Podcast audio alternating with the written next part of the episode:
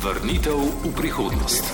Bravo, bomba! Vratnica rešuje! Imamo priložnost! Ali bo to prevzem vodstva? Gremo do konca! Še tri metre do cilja! Bojite se to! Slovenija vodi dve sekunde! Ena sekunda! Prvi čas! Prvi! Prvi! In zmaga! Eurogol, ampak bolj za svetovno prvenstvo! Konec tekme!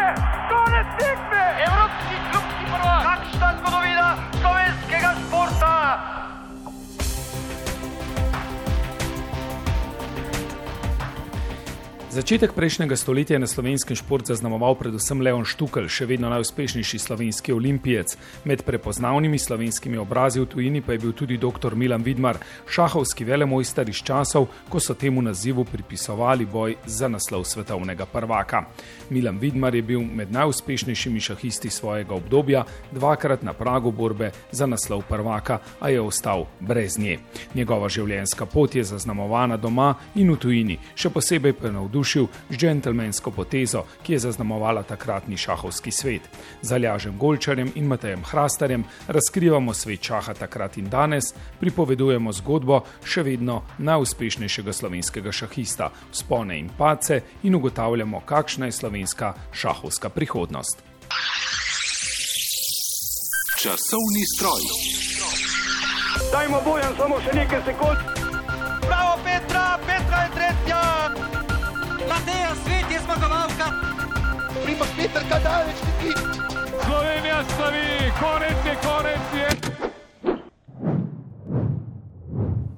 Radijski športni časovni stroj se bo tokrat eh, zaustavil pri neobičajni športni temi, pravzaprav pri dilemi, eh, pri šahu. Večkrat se sprašujemo, ali je šah šport ali ni. No, eh, Vsaj en posameznik, pa verjetno še kakšen bi si zaslužil tudi mesto med velikani športa. Tokrat bomo se posvetili športniku, šahistu, ki je svoje največje uspehe dosegal pravzaprav že pred stotimi leti. In vračamo se v bistvu v čas tudi najuspešnejšega slovenskega športnika vseh časov, Leona Štuklja, ki je recimo v tistem času pa blestev na gimnastičnih urodjih.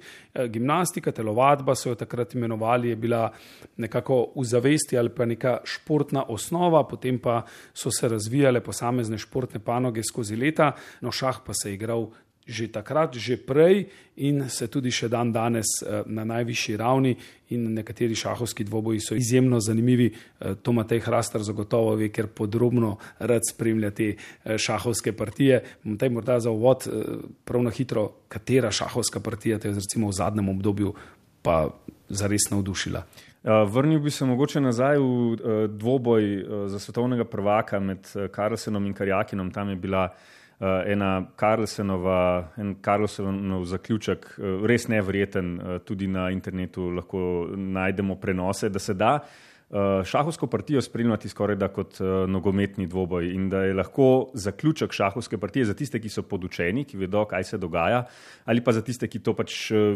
vidijo prek računalnika, zelo podobno vznemirljiv ali pa morda celo bolj vznemirljiv kot nevreten gol ali koš v zadnji sekundi ali kaj podobnega. Torej, da se prenašati tudi zelo atraktivno, Seveda. igravci pa morajo biti zbrani, skoncentrirani, napake pri šahu so. Eh, drugačne kot napake v igrah. Žogo so pa posledice lahko še veliko hujše, z eno napačno potezo si lahko recimo podreš celoten ritem. Eh, in še kaj drugega, je šah šport ali ne, to dilemo smo odpirali na začetku. Ja, šahisti vsekakor pravijo, da je šport, ker ima praktično vse, kar naj bi šport imel. Tudi fizično pripravljenost v zadnjem času je absolutno pogoj. Um, ne more biti vrhunski šahist nekdo, ki uh, ni tudi v tem pogledu zelo dobro pripravljen za šahovnico, mora zdržati, biti pripravljen zdržati tudi več ur, šest, sedem ur, če je potrebno. Tudi uh, starost v zadnjem času je zelo pomembna. Mladi šahisti so v precejšnji prednosti pred starejšimi, torej po 50, 60 letu začnejo te šahovske kvalitete nekako jenjati. In seveda, kar je pri športu tudi zelo pomembno, jasna primerljivost dosežka. Eh, šahisti točno vedo, kdo je zmagal, kdo ni zmagal, tu ni kakšne hude dileme. Eh, in tudi potem eh, v zadnjem času so računalniško zelo jasno določeni rejtingi, kdo je boljši in tu se ne da obežati temu. Torej, z teh večjih pogledov je šah eh, šport, seveda pa se bodo vedno našli tisti, ki bodo govorili, da je šah zgolj igra, da je primerljiva z katerokoli drugo igro s kartami ali s čim drugim in da zato ne more soditi med uh, enakovredne športe. Predtem se vrnemo teh eh, sto let nazaj in začneva razpravo o izjemnem posamezniku, ki je zaznamoval takrat šahovski svet in je prihajal iz Slovenije. Morda samo še pogled na to, tu je igra uma, tu je igra kombinacij številk predvidevanja. Je bilo v šahu tudi obdobje romantike, tako kot recimo zdaj govorimo z nostalgijo in pogledom nazaj, recimo o romantiki nogometa, pa kakšnega drugega športa, ko so recimo bolj po navdihu prihajale izjemne poteze posameznikov. Je šah bil kdaj takšen, ima takšna obdobja in razvoj je primerljiv tudi z ostalim športom v tem pogledu? Je seveda je povsem drugače, če primerjamo šah pred recimo 150 leti, ko so se začeli te dvoboji za naslov svetovnega prvaka, od takrat, ko je bolj jasno, kdo je jasno svetovni prvak. Takrat neke zelo jasne primerjave, ali pa bolje rečeno kot primerjave, zelo uh, jasnega študija, iz tako obsežnih uh, korpusov, kot jih imamo zdaj, uh, ni bilo mogoče izvesti. Ne? Torej, vsaka partija, ki ti je prišla pod roke, vsaka otvoritev je bila nekako tista, da je šla lahko v arhiv. In zato so šahisti, ja, kot, si, kot si rekel, bolj igrali po navdihu, manj naučeno. Poskušali so najti nove kombinacije za vsako novo partijo. Ne? Seveda, še vedno si imel nekaj uh, zaloge znanja, ampak uh, veliko je bilo pa tega sprotnega učenja. Ne? Primerjavi s tem, kar gledamo danes, ko imajo šahisti na voljo neomejene zbirke, partij, neomejene zbirke otvoritev in potem kombiniranja naprej, se vsega tega niti ne morejo naučiti. Pred recimo sto leti, ko je igral Milan Vidmar ali še malo prej, uh, sam se je prišteval med uh, šahovske romantike, uh, je bilo pa to ja, bolj ne ravno stihijsko, ampak ja, več navdiha, več romantike, več iskanja sproti in s tem so se seveda porajale tudi nove kombinacije, ki so bile takrat posebej zanimive, ko je šahist, vrhunski šahist, vse to v roke tudi dobil. E, torej, greva v romantične čase ja, šaha. Absolutno. Milan Vidmar, ime, e, ki si ga že izpostavil, oseba, e, ki je zaznamovala šahovski vrh, takrat ne slovenski, ampak svetovni. In malo pravzaprav nam je znanega, po drugi strani pa veliko, eh, ko sta z Aljažem proučevala za eh, tale podcast, eh, veliko informacij tudi o tem, kako izjemen šahist je bil Milan Vidmar. Pravzaprav je začel igrati šele pri 13 letih in kot prvo takšno ekstremno zanimivost si izpostavil, da je takrat recimo zapostavil svoje obveznosti, šolske obveznosti, z razmišljanjem o tem, da bi postal zares izjemen šahist. To že malce uh, meji na recimo profesionalni šport. Ne? Danes smo uh, priča temu, da uh, se mladi fantje zelo hitro odločijo za kakšno selitev v tujino, zapostavijo šolo z upanjem na to, da bi postali vrhunski športniki. No, že takrat ideja priti v šahovski vrh tudi za ceno recimo enega šolskega leta. Ja, pravzaprav je igral šah le nekaj let ko je videl, da je zelo dober, ko je premagoval starejše, seveda najprej svojega očeta in potem šel naprej. In ker je bil na gimnaziji, se mu je zdelo vredno v teh eh, šahovskih sanjah, eh, nekoč mogoče celo zasesti prestol svetovnega prvaka, da bi žrtvoval ali pa ne, pridobil eno leto. Ne? In tako je šel iz gimnazije na tehniško šolo, kar je potem tudi ironično zakoličilo njegovo elektrotehniško kariero in ga od šaha veliko krat tudi odvrnilo, mu preprečilo uh, igranje na kakšnem turnirju. Uh, in v, tem, v tej svoji nameri je uspel, pridobil eno leto, se potem na Dunaju eh, tudi predal, hkrati študijem tudi šahu, še bolj kot bi se sicer lahko. In uh, seveda je potem tudi gimnazijo končal, ampak uh, te sanje o njih govori nekako tako, ne, so bile črno-bele. Imel jih je, ampak vedno znova se jim je pa odrekal v prid elektrotehnike, kjer je bil tudi izjemen uh, strokovnjak. Uh, bil je pa očitno vrhunski šahist in le sprašamo se lahko, kaj bi bilo, če bi se tako kot največji mojstri tiste, vele mojstri tistega časa povsem predal šahu. Eh, torej, ni se nikoli povsem predal uh, svojemu na začetku hobiju, veselju, kasneje pa resni zadevi, ki je prerasla vse skupaj. Si pa omenil Dunaj, študij, jasno, takrat uh, je bilo potrebno za določene stvari na študij tudi preko zdajšnjih meja naše države. Dunaj, kako je vplival na njegovo šahovsko kariero, kaj je lahko tam pravzaprav pridobil, je imel tam morda konkurenco, eh, je imel tam kaj več, eh, česar v Sloveniji, kot recimo na dobudni šahist ni imel. Absolutno, tam je bila konkurenca močnejša, tam so bili uh, zbrani nekateri vrhunski šahisti tistega časa. Uh, Avstro-Ogrska je bila del um, Srednje Evrope, uh, tako kot uh, seveda tudi z njo uh, današnje slovensko ozemlje.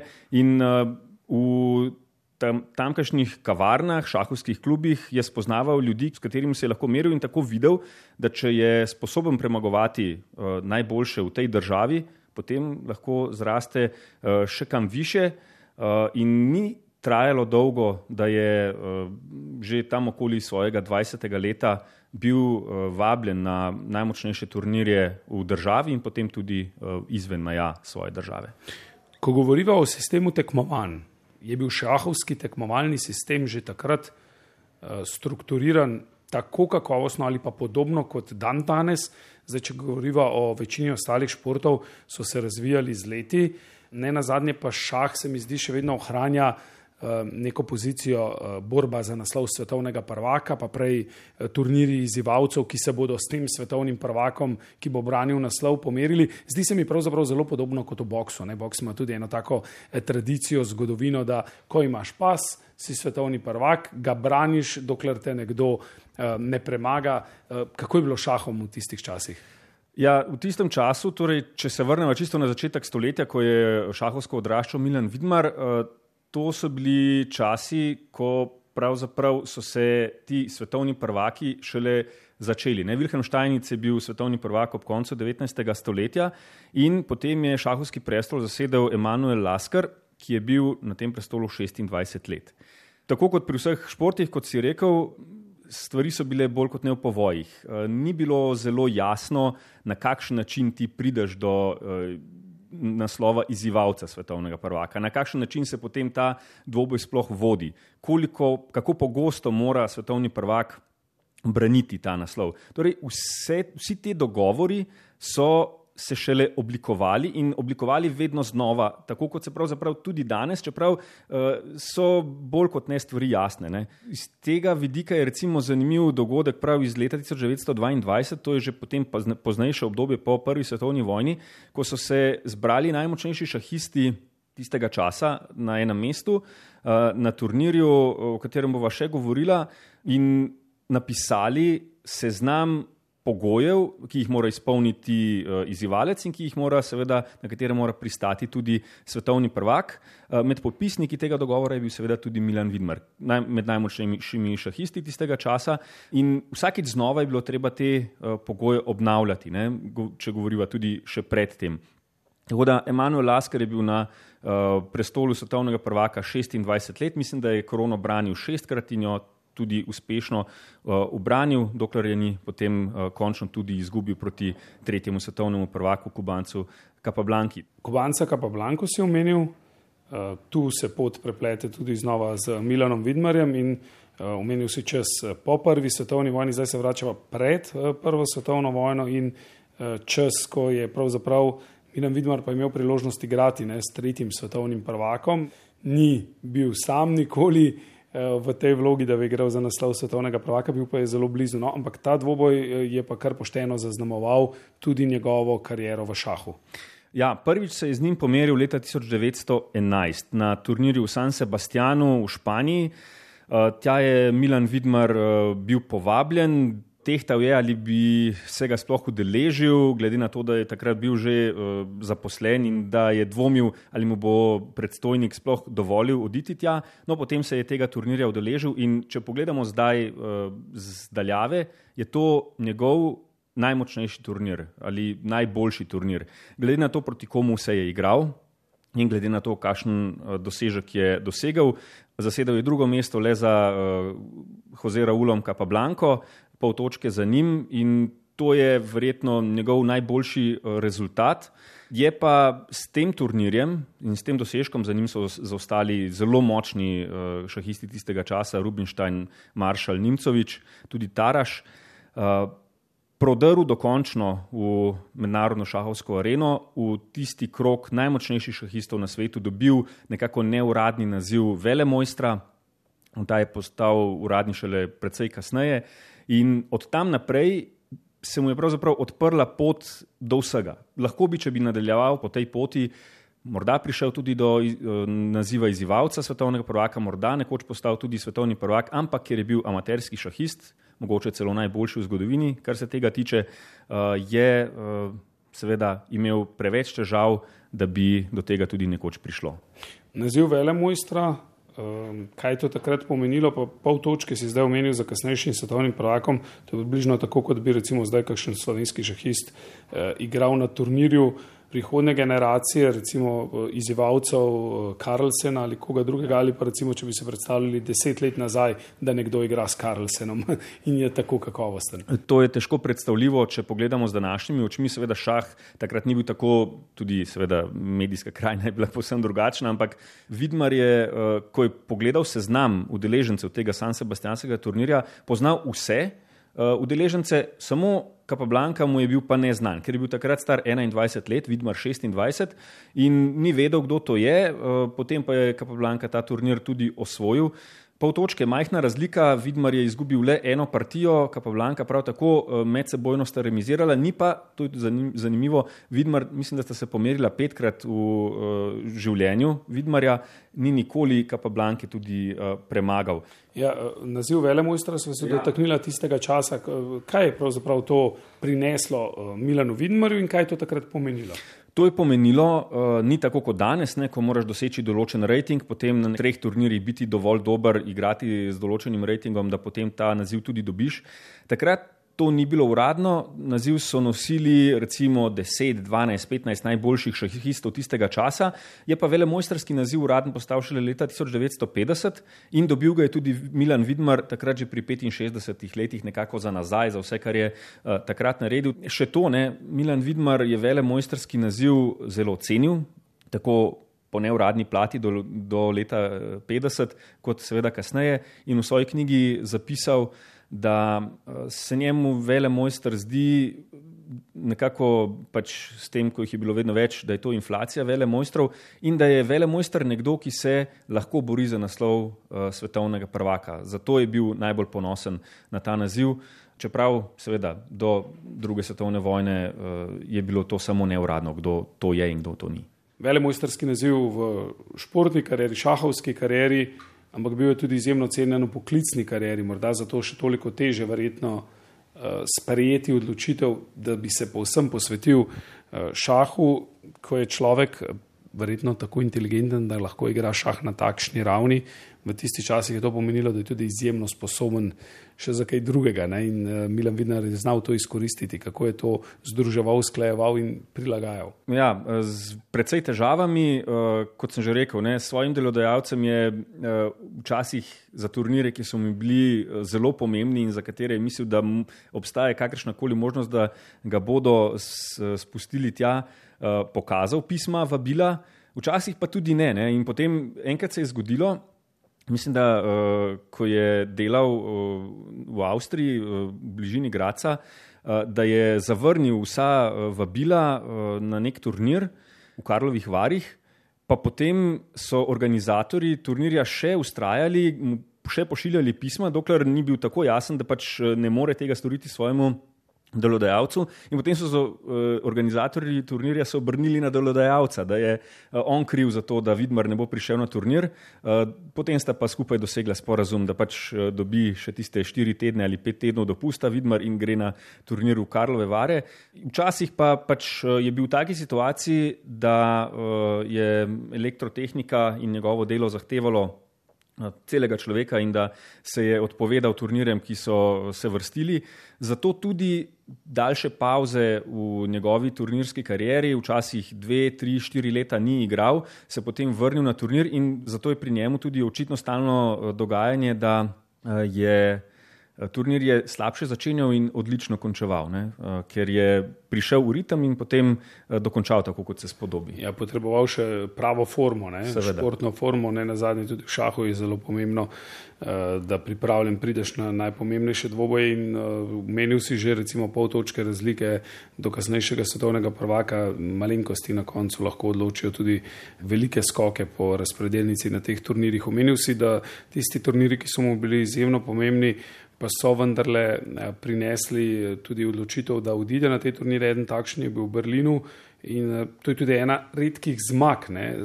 Ta, ta turnir v Berlinu je verjetno z zelo pomembnim menikom v njegovi karieri. Tako, uh, Milan Vidmar je na tem turnirju sodeloval še s tremi uh, šahisti, pravzaprav dva res vrhunska in eden, ki ni bil res med najboljšimi, Šlehter, Mesec in Rubinstein so bili to.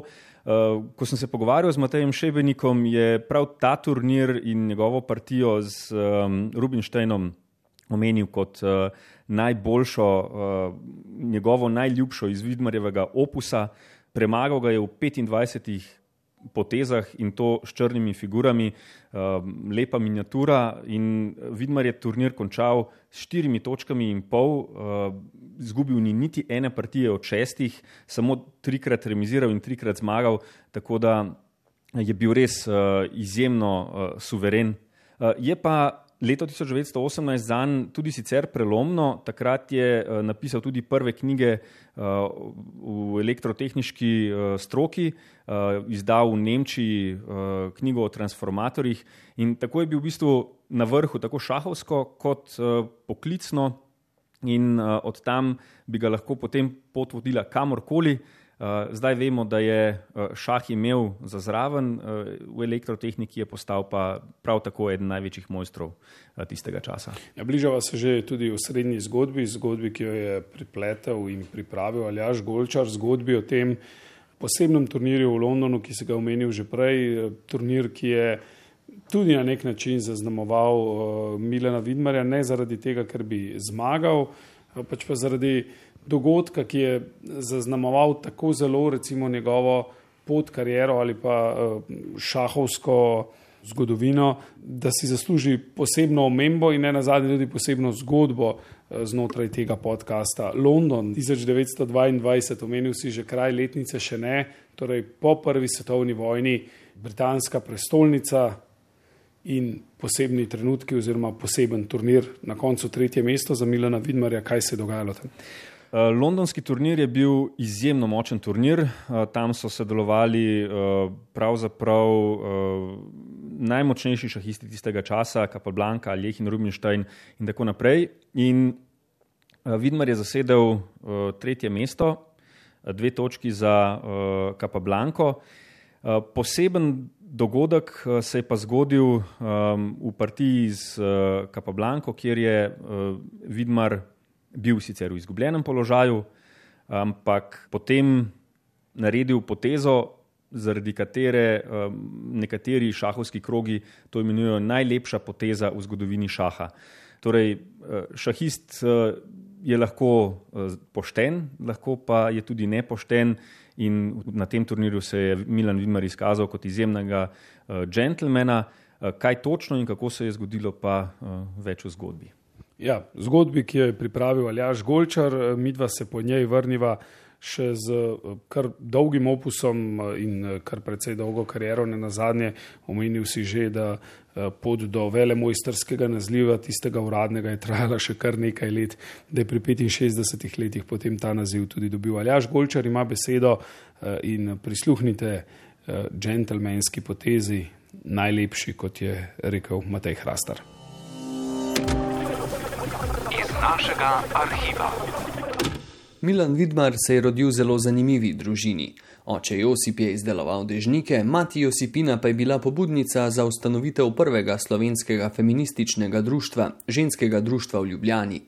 Uspešni so bili tudi njegovi bratje in sestre. Stane je bil sokolovec, Josip mlajši je postal književnik, Ciril uspešen založnik, Meta pa je bila začetnica izraznega plesa na slovenskem. Nihče od njih pa v tujini ni bil tako prepoznaven kot Milan Vidmar. Doktor Vidmar je najbolj znan po svoji šahovski karieri, to da bil je tudi pisatelj, filozof, profesor in priznan elektroinženir. Za šah ga je morda nekoliko nehote navdušil oče. Kot mladenič se je Milan družil s prijateljem Franom Ferjanom ter lovil metulje in žuželke. S šahom se je seznanil kot najstnik. Takole se je v knjigi Pol stoletja ob šahovnici Milan Vidmar spomnil očetovih besed, ki so ga spodbudile k igranju šaha. Tiste igre, ki jih imata s Ferjanom, so nespametne, je menil. Pameten si že dovolj, da se lotiš resnejših stvari. Ničesar pa ne bi mogel reči, če bi igrala šah, je dostavil. Šah, da, šah, to je duhovita igra. Z mamo svoje nakoč igrala, tudi prepirala sva se ob šahovnici, pa sem se ji umaknil. Zamislil se je, pripovedoval mi je na to o čudovitih figurah, o varovanju kmetov in lovcev, o groznem skakaču, o svojem šahovskem učitelju. Seveda nisem ničesar razumel. Zazdelo se mi je pa le, da mora biti šah nekaj čudovitega. Začel sem spraševati. Oče pa se je previdno umikal. Pogledal je vnovič v svojo knjigo, se zavil v gost oblak dima in me zbeganega izročil mojim sanjam. Stal sem pred vrati v šahovski svet.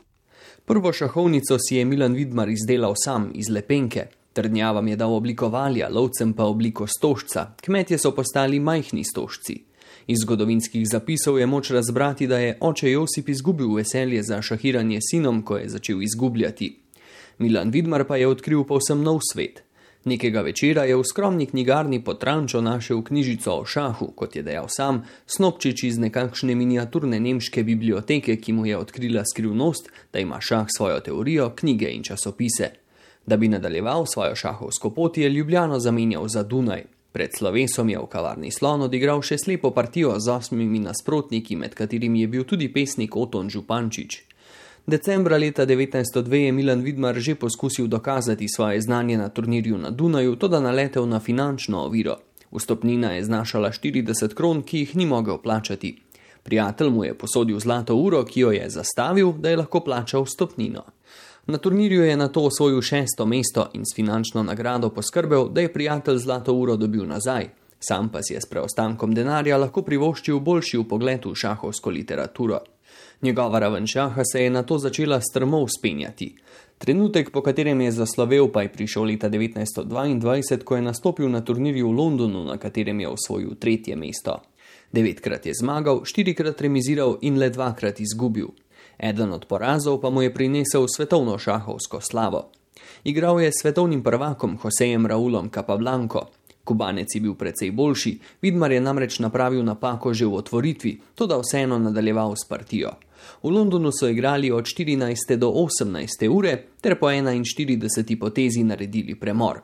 Vidmar je kuvertiral svojo 42. potezo. S Kapablanko sta si izmenjala nekaj besed v francoščini. Vidmar je nasprotniku dejal, da se bo kmalo predal. Ta ga očitno ni dobro razumel, ter misleč, da je zmagal, ni prišel na nadaljevanje partije. Milan Vidmar je nekaj desetletij pozneje v svoji knjigi Pol stoletja ob šahovnici takole opisal niz dogodkov, ki so ga za vselej zapisali šahovski zgodovini. Ob 20. uri smo kolo nadaljevali. Turnirski vodja je izvršil mojo potezo. Ne spominjam se je več, gotovo sem jo bil zapisal. 42. poteza, kralj G8 F7. Ker mojega nasprotnika še ni bilo, sem se podal na ogledovanje ostalih partij. Turnirska dvorana Central Hall je bila v tem trenutku polna gledalcev. Prerival sem se skozi gnečo od partije do partije. Minilo je četrt ure, minilo je pol ure. Nenadoma me potegne turnirski vodja za rokav. Kapablanke še ni, vsak trenutek bo prekoračil čas, mi je zašepetal. Spomnil sem se svojega razgovora s svetovnim prvakom pred dvema urama. Kapablanka je precej pomankljivo govoril francoski. Najbrž me je bil napačno razumel, sem si dejal. Z vso energijo sem začel prodirati skozi gledalce proti svoji mizi. Prav v zadnjem trenutku sem jo dosegal. Nemudoma sem prekucnil svojega kralja. Takoj na to je padla zastavica na Kapablankovi uri. Udal sem se bil resnično v zadnjih sekundah. Ta poteza je močno zaznamovala Vidmarjev status v svetu šaha. Več kot desetletje pozneje je v slavnostni dvorani Nottinghamske univerze ob otvoritvi vele turnirja leta 1936 predsednik Angliške šahovske zveze ob seznanjanju publike z velemojstri omenil prav potezo iz Londona. Milan Vidmar je o dogodku zapisal naslednje besede. Ko je predstavljal mene, me je označil kot tistega igralca, ki je zaigral najlepšo šahovsko potezo na angliških tleh. Seveda se je spominjal moje 42. poteze v partiji s Capablanco na londonskem veleturnirju 1922. leta.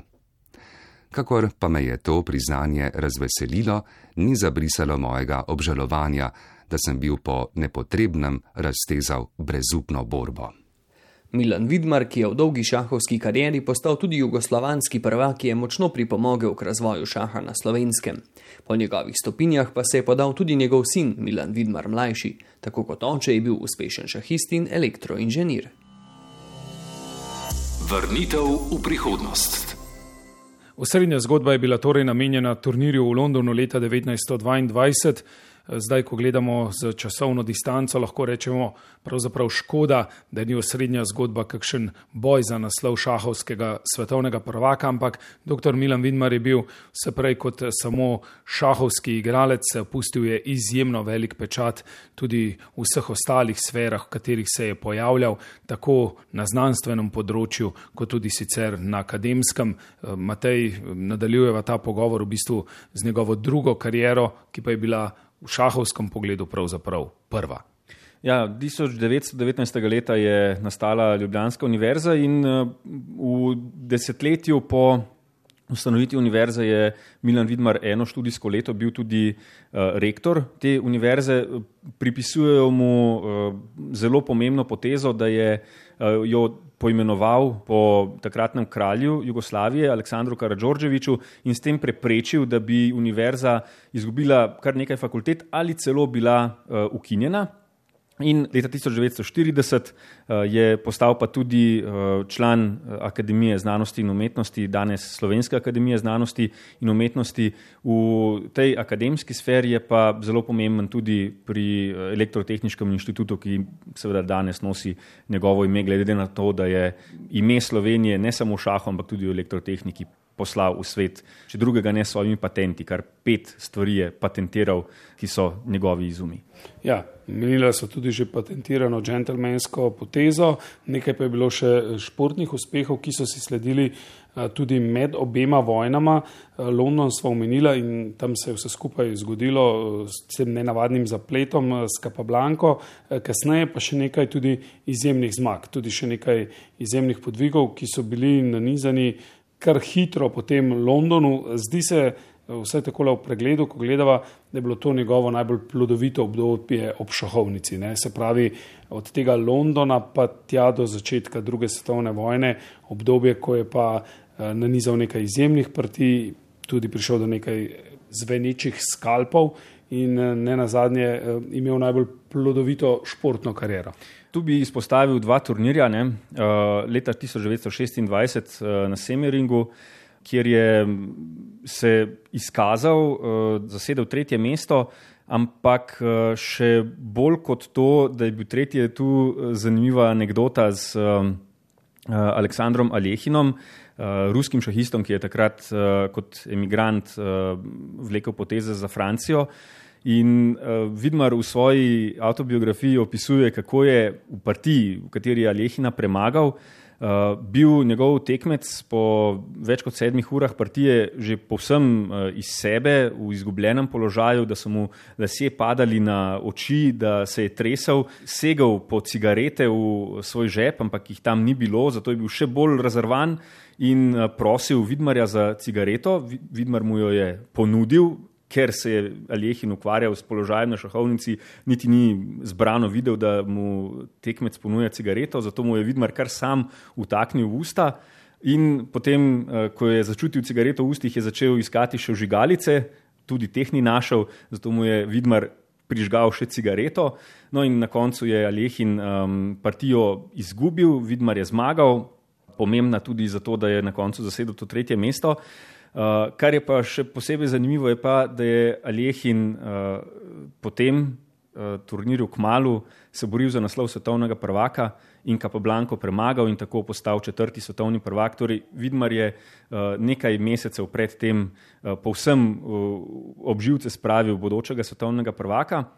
No, in še da omenim, mogoče turnir, na katerem je uh, prišel Vidmar najbližje uh, temu, da bi postal lahko svetovni prvak, to je leta 1927, turnir kandidatov v New Yorku, tudi zaradi predstav na Semirinskem turnirju se je tja uvrstil. Uh, tam je nastopilo šest šahistov, uh, štiri krožni turnir, torej ogromno partij, 20 partij so morali odigrati, vsak z vsakim štirikrat.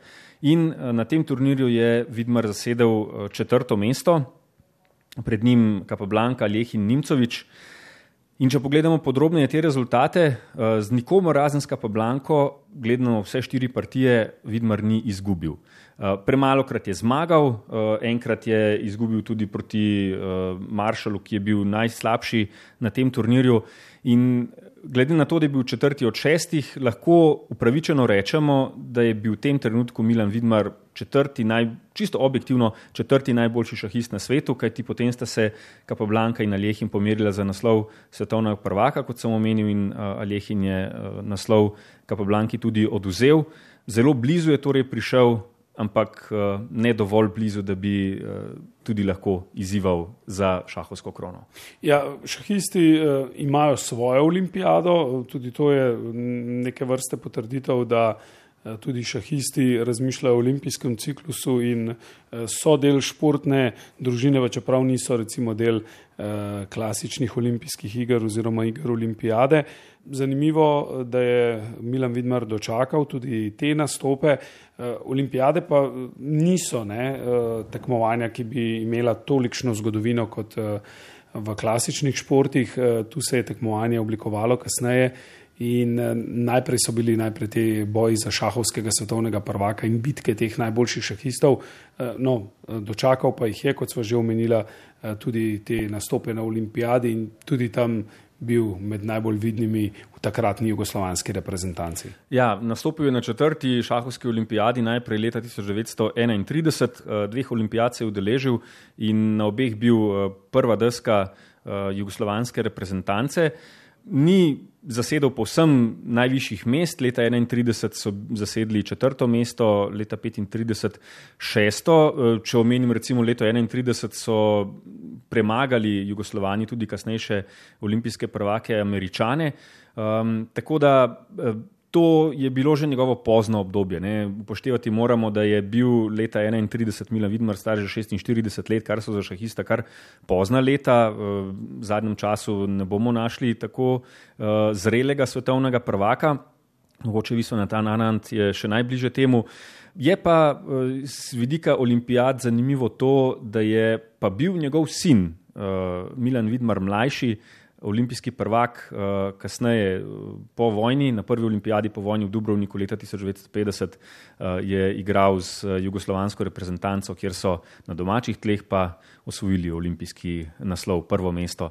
Moj oče me ni niti enkrat priganjal k šahu in tudi je zelo poredkoma igral z menoj, saj tudi ni imel časa, bil je zelo zaposlen elektrotehnik in profesor na tehnični fakulteti, razen tega konzulent neštetih tovarn in mu je ustajalo za šah bore malo časa. Um, niso pa bile te olimpijade kakšne posebne uh, prekretnice za kariero Milana Vidmarja. Uh, sam se jih je udeležil, ampak jih niti v svoji autobiografiji ne postavlja prav visoko. Skok v prihodnost. Zdaj smo v bistvu že nekako v prehodu v prihodnost pri njegovem sinu in ne na zadnje tudi uspehu, zmagi na, olimpijadi. Kakšen odmev je imela recimo takratna zmaga in pravzaprav kakšna to zapuščina je Milana Vidmarja, govorila sva o knjigah, govorila sva eh, ne na zadnje o tem, kaj je zapustil uh, kot izjemen šahist v smislu imena, ki si ga je ustvaril v tej družini, uh, kakšna pa je ostala zapuščina, ki jo lahko recimo pripišemo uh, najprej njemu, potem pa tudi kasneje njegovemu sinu in naslednikom do zdajšnjih generacij, ki se pač ukvarjajo šahom na najvišji ravni. Uh, tu bi mogoče malo ločil, recimo, uh, kako je pri nas in kako je gledano uh, mednarodno. V mednarodni areni je Milan Vidmar izjemno spoštovano ime, kar se tiče šaha. Tisti, ki se uh, kakorkoli šahom ukvarjajo in uh, poznajo šahovsko zgodovino, seveda njegovo ime morajo poznati, glede na to, kar so že na začetku povedali, da sodi med najboljših, recimo, deset šahistov prvih dveh, mogoče celo treh desetletij 20. stoletja.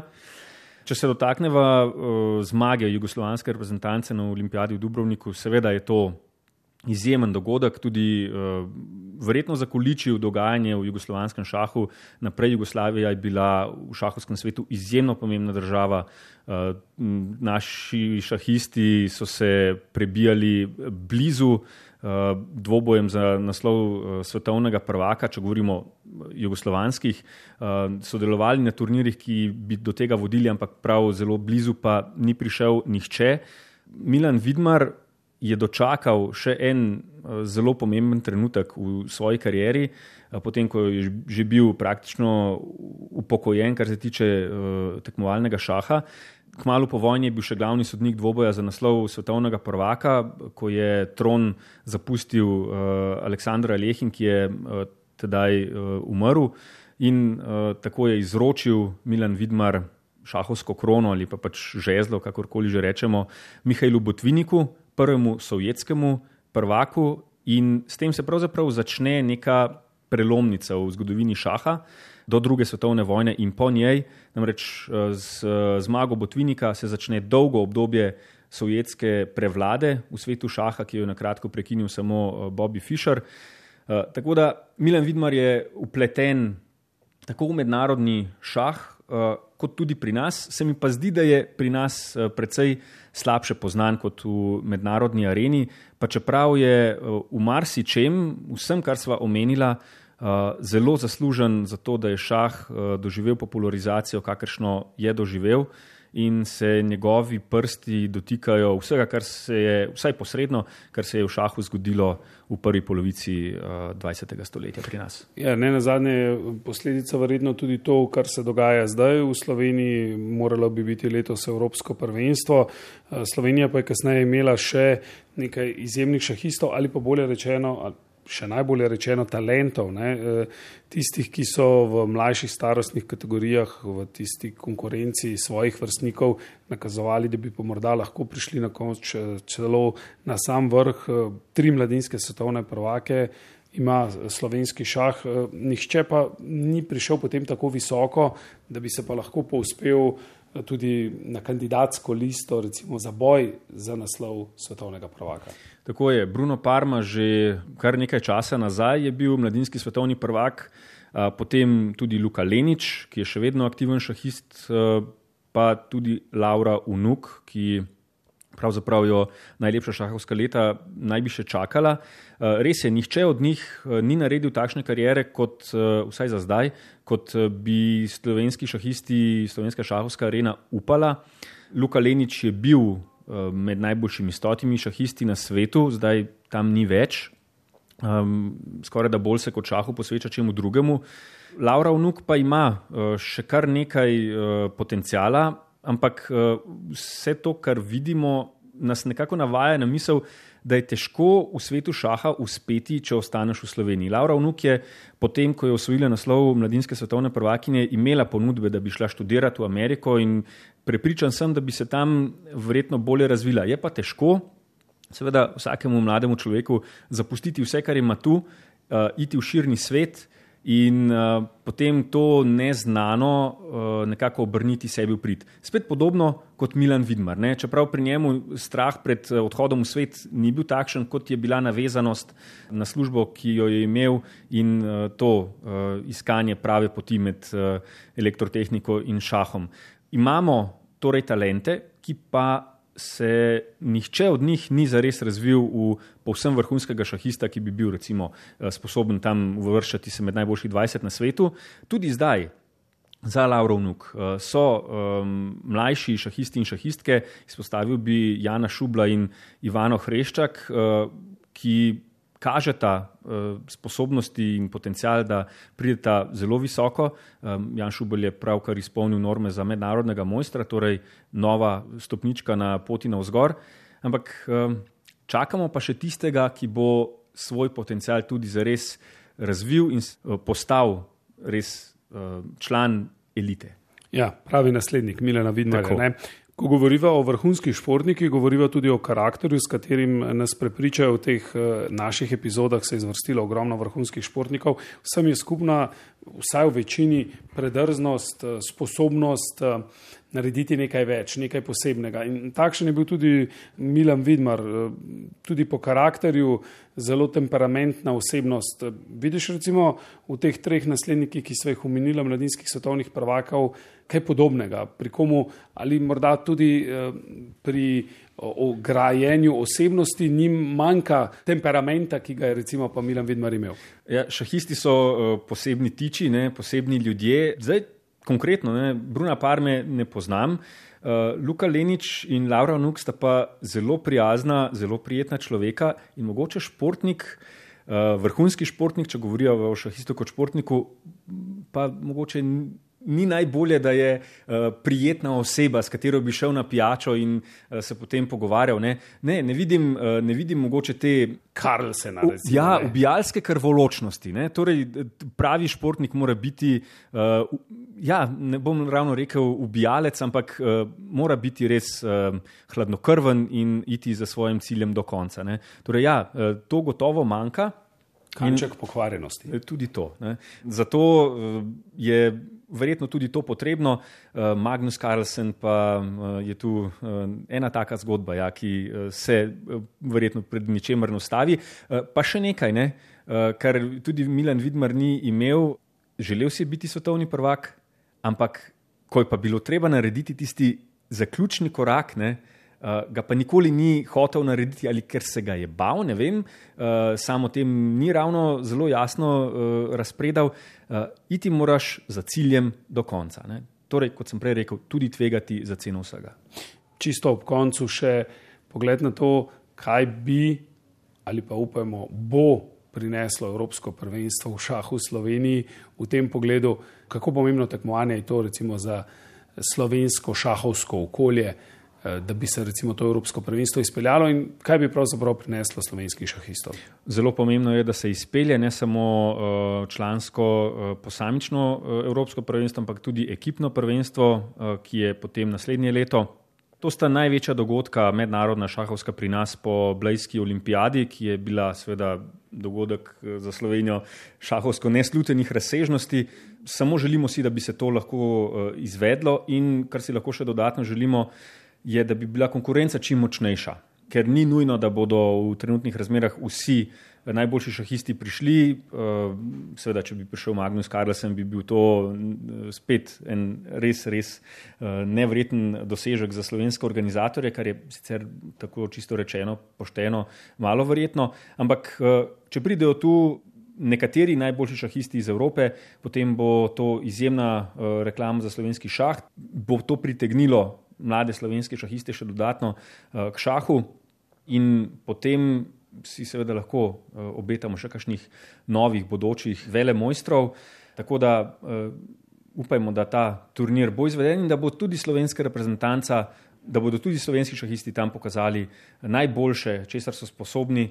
Trenutno težko računamo na evropskega prvaka, ampak že če bi kdo prišel eh, blizu vrhu, bi bil to za slovenski šah, eh, za slovenske tekmovalce, lep, zelo lep dosežek. Ja. Lep dosežek torej na Evropskem prvenstvu, na naslednika Milana Vidmarja pa bomo še eh, počakali. Prisluhnili ste izjemno zanimivi zgodbi z dolgo brado, pa še z posledicami, ki jih eh, lahko prebiramo ali pa jim sledimo še dan danes.